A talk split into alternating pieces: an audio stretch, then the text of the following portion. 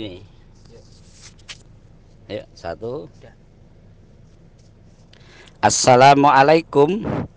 Untuk pemesanan paket umroh murah bisa menghubungi 0821 4196 0857 Kami ulangi sekali lagi untuk pemesanan paket umroh murah bisa menghubungi 0821 4196 0857 Sekali lagi 0821 4196 0857 Terima kasih. Bismillahirrahmanirrahim. Ancaman dengan adab yang keras pada hari kiamat. Demi Allah kata penulis, itu adalah dampak yang besar dan musibah yang lebih parah daripada hukuman dunia.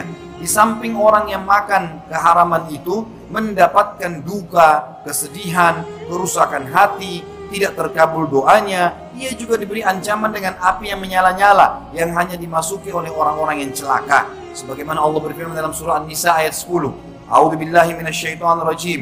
Innal ladzina ya'kuluna amwalal yatama dhulman innama yakuna fi butunihim nara wa sayaslawna sa'ira. Sungguhnya orang-orang yang memakan harta anak yatim secara zalim, sebenarnya mereka itu menelan api dalam perutnya dan mereka akan masuk ke dalam api neraka yang menyala-nyala atau api neraka.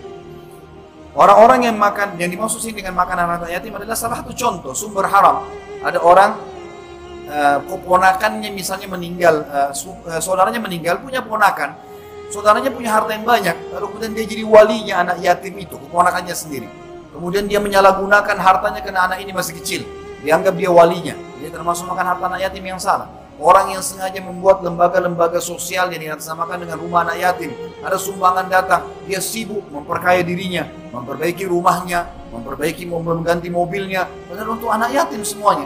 Ini termasuk sumber-sumber yang haram selain riba tadi. Dan juga di sini disebutkan tentang masalah riba, diulangi lagi oleh penulis dalam surah Al-Baqarah 275 tentunya, yang tadi sudah kita sebutkan 276-nya. Orang-orang yang makan atau mengambil riba tidak dapat berdiri melainkan seperti berdirinya orang yang kerasukan syaitan lantaran tekanan penyakit jiwa. Jadi di sini kata sebagian ulama tafsir, siapa yang sudah tahu riba haram dan dia ulangi teman-teman sekalian peringatan dari Allah. Ini hanya melalui lisan saya. Hati-hati. Kata Allah Subhanahu wa taala, siapa yang makan riba, kata ulama tafsir, siapa yang memakan riba dan dia sudah tahu hukumnya haram, maka dipastikan orang ini akan ditutup hidupnya dengan penyakit yang menyerupai penyakit gila. Sebagian ulama mengatakan gila seperti orang gila yang benar, dia jadi stres di akhir hidupnya. Kita temukan banyak para pengusaha stres sampai bunuh diri, sampai hanya masuk rumah sakit gila dan seterusnya atau memang dia akan ditimpa penyakit yang akan membuat penyakitnya itu seperti dia orang gila. Sudah ngomong sendiri, ya dia sudah tidak bisa lagi urus dirinya, dan seterusnya. Perkataan-perkataan yang keluar juga tidak baik. Keadaan mereka demikian itu karena mereka berkata atau berpendapat sungguhnya jual beli sama dengan riba. Sedangkan Allah menghalalkan jual beli dan mengharamkan riba. Orang-orang yang telah sampai kepadanya larangan dari Robnya, sudah tahu haramnya, lalu berhenti dari mengambil riba, maka baginya apa yang telah diambilnya dahulu sebelum datang larangan. Karena orang tidak tahu hukumnya. Dia pernah KPR, dia pernah cicil rumah, mau cicil mobil. Dia pernah bekerja di sebuah instansi riba, tidak tahu hukumnya. Sekarang dia sudah tahu hukumnya. Dia bertaubat, dia tidak tahu hukumnya sebelumnya. Pada saat dia bertaubat, yang lalu sudah jadi halal buat dia. Allah halalkan, dia tidak paham. Tapi bagi orang yang tahu berbeda. Ini malah akan berbahaya, diancam dengan penyakit yang berat tadi. Orang-orang yang mengulangi mengambil riba, maka orang itu hum fiha khalidun. Mereka akan kekal di dalam api neraka. Dalam sebuah hadis yang sahih riwayat Tabarani, Nabi kita Muhammad SAW bersabda, "Ayyuma lahmin nabata bin suhtin fannaru aula bihi." Daging, sepotong daging yang tumbuh dalam tubuh seseorang dari keharaman, maka neraka lebih patut baginya. Bagaimana mungkin orang yang berakal lebih mementingkan dunia daripada akhiratnya, lebih mementingkan negeri uh, mereka yang terbatas daripada surga yang luasnya seluas langit dan bumi dan dikumpulkan sebagai umpan di neraka jahanam. Namun para pencari dunia telah dibutakan oleh dunianya, difitnah oleh hawa nafsunya, dan disesatkan oleh syaitan dari kalangan manusia dan jin sehingga ia menjadi hamba dinar dan dirham. Celakalah hamba dinar dan dirham.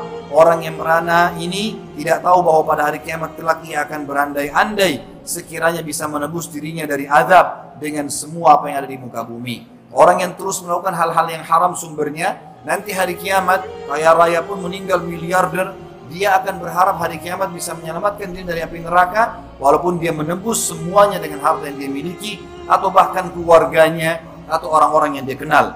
Allah berfirman dalam surah Al-Ma'arij ayat 11 sampai ayat 14. A'udzu billahi minasyaitonir rajim. Yubassarunahum yawaddul mujrimu la yaftadi min adzabi yawma'idzin bibani wa sahibatihi wa akhihi وفصيلته التي تؤويه ومن في الأرض جميعا ثم ينجيه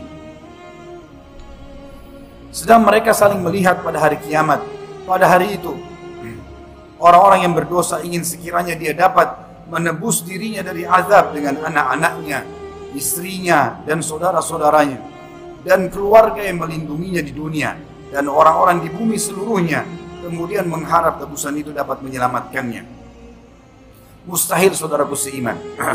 Harta yang kita miliki dari yang haram bisa menyelamatkan kita dari azabnya Allah yang berat pada hari kiamat. Maka hati-hati teman-teman sekalian. Dan untuk membatasi diri kita dan merem diri kita dari hawa nafsu yang besar, maka fahamilah diri kita punya kapasitas. Contoh, kapasitas mulut kita teman-teman, yang kita bisa masukkan satu atau dua sendok makanan.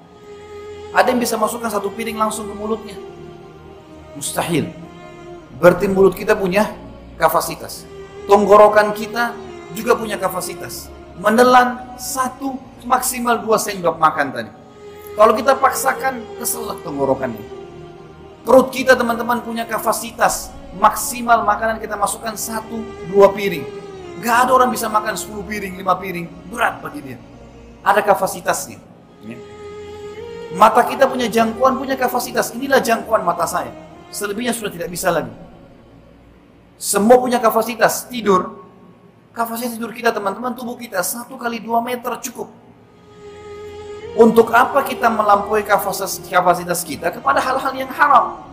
Maksain beli ranjang yang besar sekali mewah, mahal dari uang haram. Untuk apa? Tubuh kita tidur satu kali dua meter, Badan kita punya kapasitas teman-teman. Berapa lembar baju antum bisa pakai? Satu lembar, dua lembar. Kita pakai tiga lembar kepanasan. Pakai sepuluh lembar berat jalan. Ada kapasitasnya. Untuk apa melampaui kapasitasnya teman-teman sekalian? Kepala kita bisa tutup dengan satu topi. Nggak lebih daripada itu. Semuanya satu tangan kita bisa pakai satu jam tangan. Kalau pakai dua tiga diketawain semua orang. Ada kapasitas. Kenapa lampaui kapasitas teman-teman sekalian? Kamar mandi yang kita butuhkan kecil, cukup buang hajat, selesai. Kalau sesuatu sumber halal, silahkan nikmati. Luaskan ranjangnya, beli beberapa lembar baju, silahkan. Kita disuruh nikmatin, tapi dari sumber yang halal. Allah suka bekas nikmatnya pada hambanya. Dalam sebuah hadis sahih, kata Nabi SAW, Inna Allah yuhibbu an yara athara ni'mi ala abdi.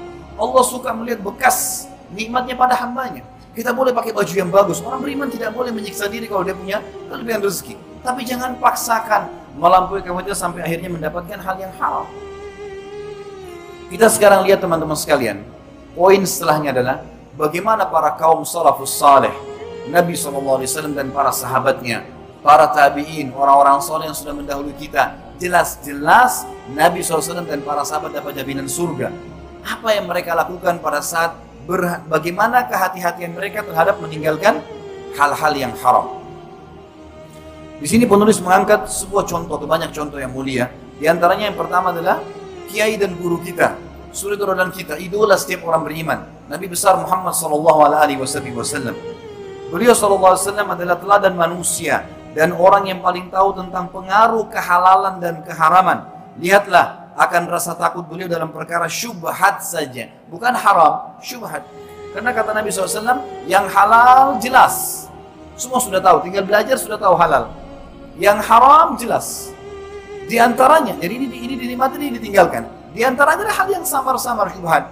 Siapa yang menyelamatkan dirinya dari hal yang syubhat, dia telah menyelamatkan diri dari yang dia telah menyelamatkan kehormatan dirinya dan agamanya.